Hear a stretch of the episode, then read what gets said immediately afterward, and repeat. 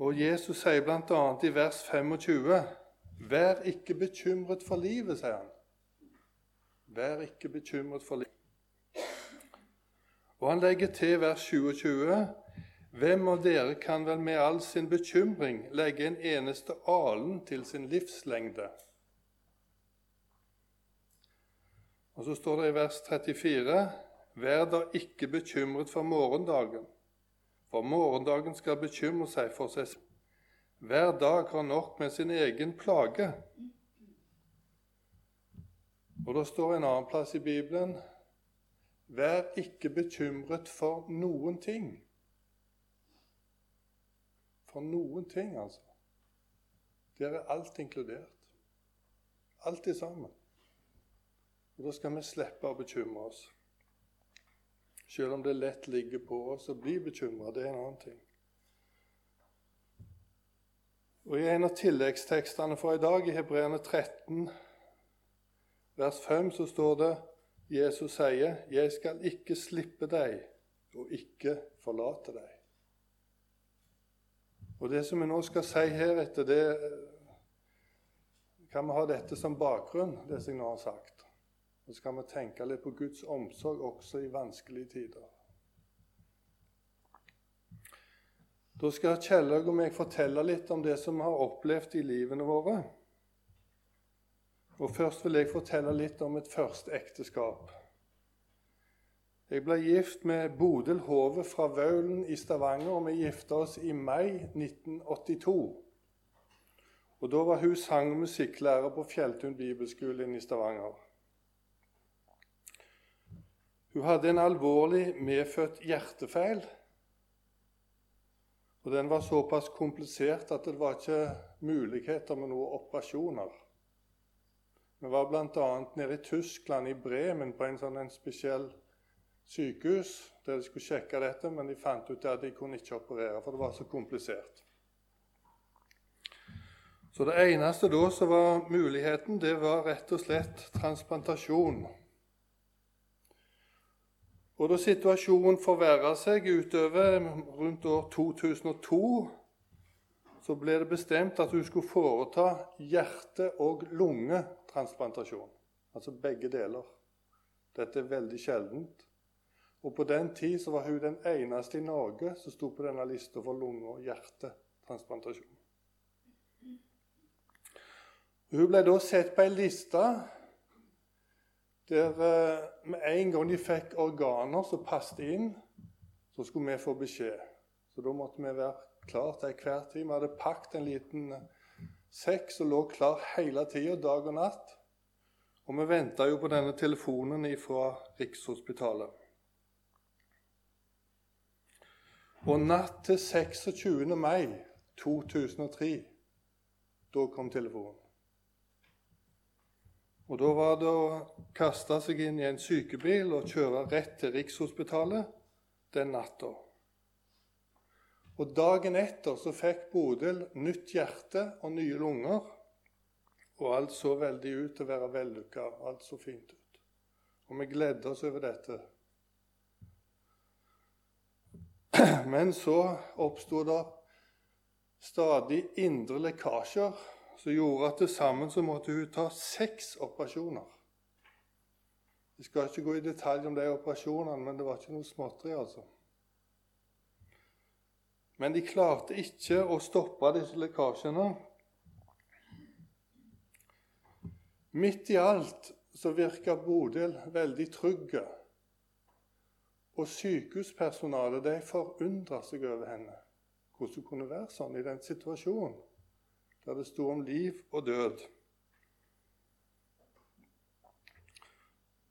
Og vi kjente ei som jobba tett innpå personalet. Jeg var sjøl med i dette teamet som drev med hjertetransplantasjon og lungetransplantasjon. Og Hun fortalte det at de hadde snakket seg imellom i personalet og sa disse var kristne. Så det var et utrolig sterkt vitnesbyrd. Og ei av sykepleierne sa det etterpå til meg. Jeg har aldri opplevd en lignende pasient. Så det var altså et vitnesbyrd om Jesus. midt inne i denne situasjonen. Men livet til Bodil sto ikke til redde, og etter 53 døgn på Rikshospitalet så døde hun 18.07.2003. Selv om det var utrolig tøft å oppleve dette, så merker jeg at Herren var nær på en helt spesiell måte.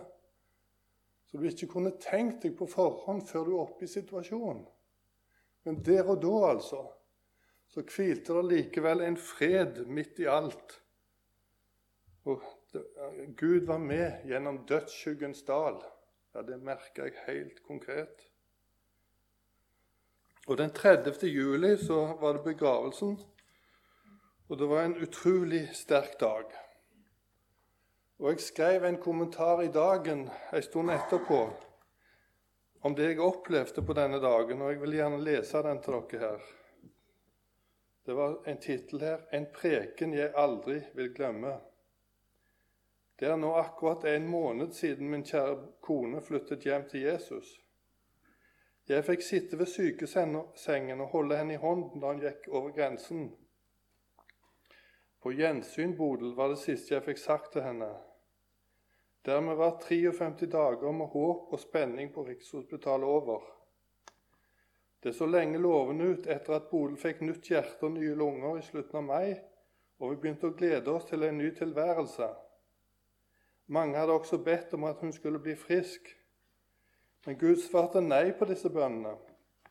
Herren hadde andre planer, som i evighetens lys er mye bedre. Han flyttet Bodil hjem til himmelen. For oss er det uforståelig og smertefullt, men vi bøyer oss i ydmykhet for Guds planer, som er langt høyere enn våre tanker, og som har evigheten som mål. Det aller viktigste for oss mennesker er han nå frelst hjem til himmelen. Selv om begravelsesdagen var vanskelig, ble det likevel en dag preget av velsignelse og håp. Kirken var nesten full, og det ble en mektig stund som var preg av vekkelse. Bodil hadde selv plukket ut alle sangene som ble benyttet i kirken, også solosangene. Det var som om hun selv var til stede og prekte til oss. Gjennom sangene ble vi bl.a. minnet om tre ord som også var viktige i hennes liv. Takknemlighet. I sangen 'Takk at du tok mine synder'. Tillit. Ingen er så trygg i fare og håp. Ja, en gang mine øyne skal se kongen i hans prakt. Disse momentene var også innholdet i prestens gripende tale.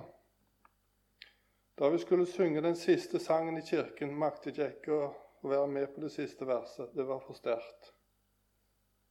Det var som om jeg fikk en siste hilsen fra min dypt savnede kone, der hun fortalte om sin nye, ny, om, fortalte om sin nye tilværelse. Så er jeg frelst, så er jeg fri. Så har jeg vunnet frem. Så er min strid med ett forbi, så er jeg i mitt hjem. Det hjem en frelser lovet har. Vær den som korset med ham bar. Guds paradis, vårt rette hjem, det nye Jerusalem. Nå har Bodil nådd fram til himmelens lyse land, der alt vondt er borte, mens vi må være her på jorden enda en stund. Det er min inderlige bønn at Herren må stelle slik med meg at også jeg en dag kan få lov til å komme frelst hjem, fordi Jesus døde for alle mine synder på korset. Etter at Bodø var gått bort, så skrev jeg et lite hefte da Gud svarte nei, der jeg på en måte bearbeider sorga gjennom å skrive. Og Det var en utrolig fin måte å gjøre det på. altså. Jeg skal bare lese et veldig kort avsnitt her. Nå vet jeg at Bodø har nådd fram til himmelen, der alt vondt er borte, og hva er egentlig større i evighetens lys enn nettopp dette? Hva hjelper det å leve til man blir 90 år her på jord hvis man går evig fortapt? Derfor er det om å gjøre for oss at vi er forberedt til å møte Gud hver eneste dag, at vi har tatt imot Jesu frelse for syndere. Det som jeg har opplevd gjennom denne tøffe perioden, har ført meg nærmere Jesus. Jeg har fått mer bruk for ham i hverdagen, og jeg opplever at han gir meg ny styrke og ny kraft til å klare nye dager. Det er på en måte som om vi ligger i Guds hender og får hvile allmakt. Kanskje dette er en del av svaret på hvorfor Gud svarte nei.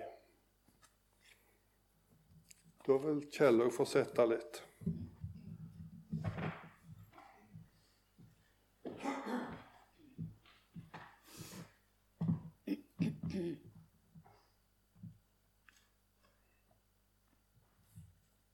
Som dagen er, skal styrken være. Det var faktisk ord som fastlegen min trøsta meg med. Ja, livet er ikke alltid like lett. Alle vil vi møte på motgang på en eller annen måte. Johan Inge Haukeland, som jeg var gift med, fikk kreft. Hjernesvulst. hissige type. Han levde i ti måneder, og det var ei tøff tid og oppleve at den mannen som hadde vært sterk og beskyttende, nå trengte min hjelp. De medisinene som legene kunne tilby, hadde ikke helbredende effekt. Han måtte ha store doser kortison for å lette på trykket i hjernen. Det gjorde han veldig forandra utseendemessig, og folk hadde problemer med å kjenne han igjen. Han bodde hjemme, han var ikke pleietrengende men hjelpetrengende var han jo. og det ble stritt for meg, selv om datter Aina avlasta en god del. Hun er sykepleier og hadde ikke fått egne barn da, så hun hadde anledning til det. Etter hvert fikk fastlegen min ordna med opphold på Åseheimen. Det skulle være et korttidsopphold, men han ble der i to måneder til han døde. I disse dager er det akkurat 20 år siden. I dødsannonsen sto ei strofe fra sangen. Hvor salig er den som når alt farer hen, har Jesus og himmelen igjen. Så skal jeg lese et lite avsnitt fra nekrologen som sto i Aftenbladet etterpå, og som bror min hadde skrevet.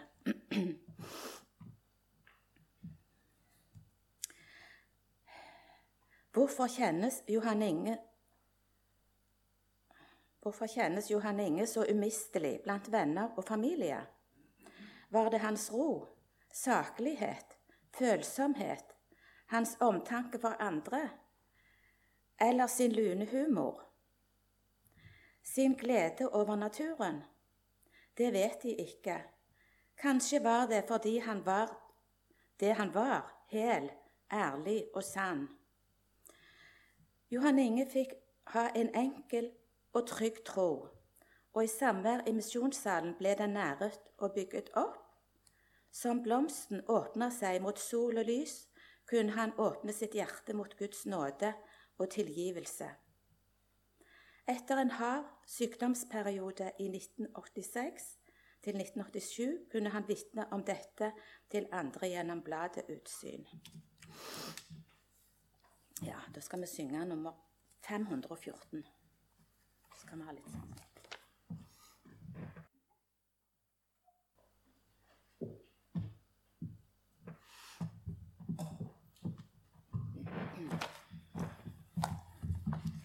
Nå vil vi fortelle litt hvordan vi møtte hverandre.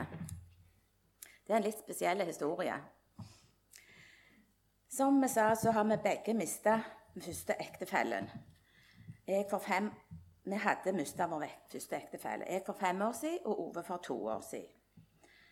Og jeg var i grunnen innstilt på å være alene videre og syntes livet var blitt godt etter hvert. Jeg hadde barnebarn å glede meg over og hadde solgt enebolig og funnet noe som passa for meg nå. Men av og til så tenkte jeg om det kunne være en ny mann i livet mitt. Og da sa jeg til Gud at hvis han ville det sånn, så måtte han finne en til meg. Jeg hadde vært alene i to år, og jeg syntes det var litt trasig, for å si det sånn. Jeg hadde hatt et par dater, men det ga ikke noe synlig resultat. og jeg ba rett og slett til Gud om å få en ny kone. Gjorde det. Jeg hadde i mange år abonnert på Dagen, der Ove var journalist. Litt etter at Ove hadde mista sin bodel, så sto det et lite stykke av han der han fortalte om begravelsen. Det var det som han leste opp nå. Jeg tenkte åh, det må være litt av en mann.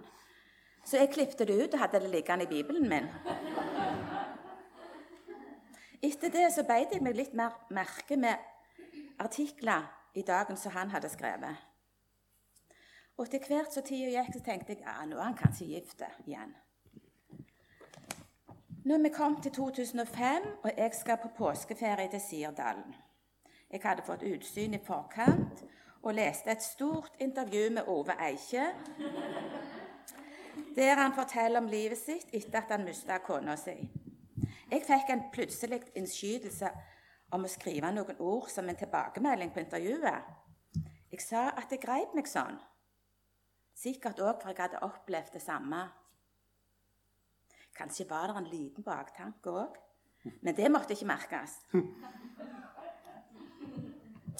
Dette var fredag før palmehelga, og jeg posta det.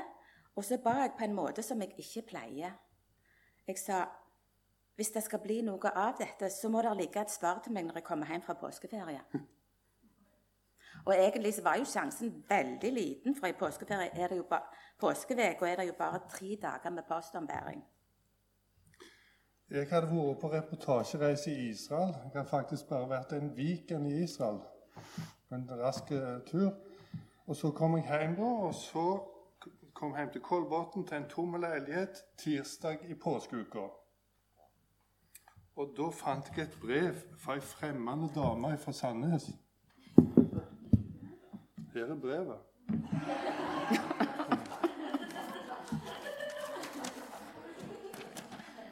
Vil dere høre hva hun skrev? Nei vel.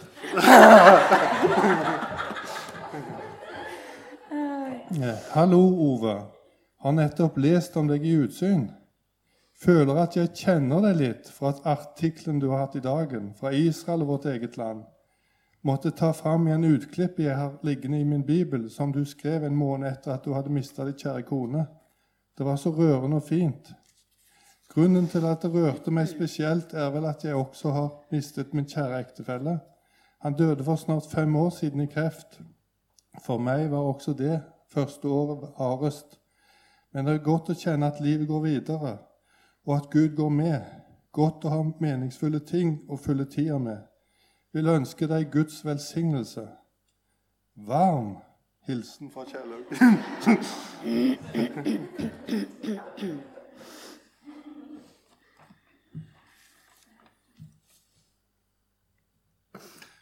Jeg begynte å lure litt på det. Jeg hadde fått et brev om dette var i ferd med å bli et bønnesvar.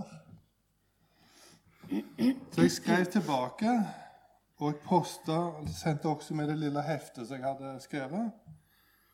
Og det heiv jeg i posten da på, på, samme, altså på tirsdag før skjærtorsdag. skjedde dette. Så det var ikke mange postdager å gå på altså. Så var jeg innom postkontoret, så sendte jeg dette brevet. Og så reiste jeg hjem, Da bodde jeg på Kolbotnia, så reiste jeg hjem til Tysvær for å besøke faren min. Jeg var på hytta i påsken med sønn og svigerdatter og tre livlige barnebarn. Så dagene gikk, i ett fra morgen til kveld, og det var ikke mye jeg tenkte på brevet. Påsken var over, og jeg var hjemme igjen. Jeg gikk til naboen for å hente post, og der var det brev fra Ove Eikje. Hjertet gjorde et hopp i brystet. Jeg satte meg ned for å lese det. Da jeg hadde lest to linjer, så ringte telefonen. Og det var han. jeg husker jeg ble så paff når jeg hørte stemmen, og så utbrøt 'Er du rogalending?' Jeg hadde nok innbilt meg at han var østlending. Jeg hadde jo hjemme på påskeferie hos far, og jeg hadde flere ganger i påsken for, forsøkt å ringe til Kjellaugs fasttelefon, men uten å få respons, for hun var jo på hytta i Sirdal. Jeg hadde faktisk en plan om å kjøre om Sandnes på vei tilbake til Oslo for å treffe henne. Men dette ble det ingenting av. da. Ja, det ble flere telefonsamtaler etter hvert, og noen brev. Det gikk ikke lang tid før spørsmålet kom kan jeg få komme og besøke deg. Dette var skikkelig spennende, og vi visste at dette kunne gå begge veier. Før han kom, så måtte jeg jo fortelle det til de to voksne og utflytte barna mine. Jeg kom på en måte å gjøre det på. 1. april, altså narredagen.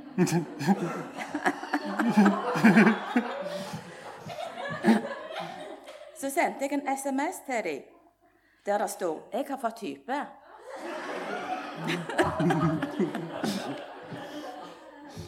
Aina syntes dette var spennende og ville ringe og høre mer når ungene var i seng. Men hun syntes det var litt rart at ingen hadde hjulpet meg med dekkskift og lignende. Ifra Asle kom dette svaret. Avtaler inngått på denne dato har som regel kort varighet. Han tok han. Jeg måtte innrømme at det var en aprilspøk, men det var noe spennende på gang. Jeg kan ennå huske den følelsen da jeg eh, kom i flyet og landa på Sola og eh, skulle treffe Kjellaug for første gang. Jeg hadde fått et bilde av henne i et brev, så jeg visste omtrent hvem jeg skulle henvende meg til inne på flyplassen. Og det var i grunnen alt. Ja, det ble ei kjekk helg. Og i løpet av den var vi kjærester. Dette var i begynnelsen av april. Norwegian fikk solgt en del billetter i løpet av de neste ukene. Og allerede i mai ble vielsen fastsatt. og Den skulle være 11. august i Sjømannskirka på Gran Canaria. Her gikk det fort i svingene. Vi var trygge på dette og hadde ingen tid å miste. At det gikk an å være så forelska i min alder, hadde jeg ikke trodd. Det føltes som å være 18 helt til jeg så meg i speilet.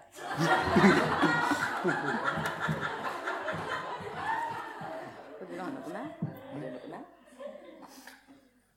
Ja, det var vår historie. Og som dere forstår, så gikk dette veldig fort. Og dette er ikke noe som anbefaler til ungdom og de som er Men vi var litt oppi årene, så for oss var dette helt naturlig å, å gjøre det på denne måten. Og vi opplever dette som Guds ledelse, altså, rett og slett. Og det har vært utrolig sterkt å få oppleve det. Og vi har fått sett igjen at Gud har omsorg for oss på alle plan. Han vil oss det beste.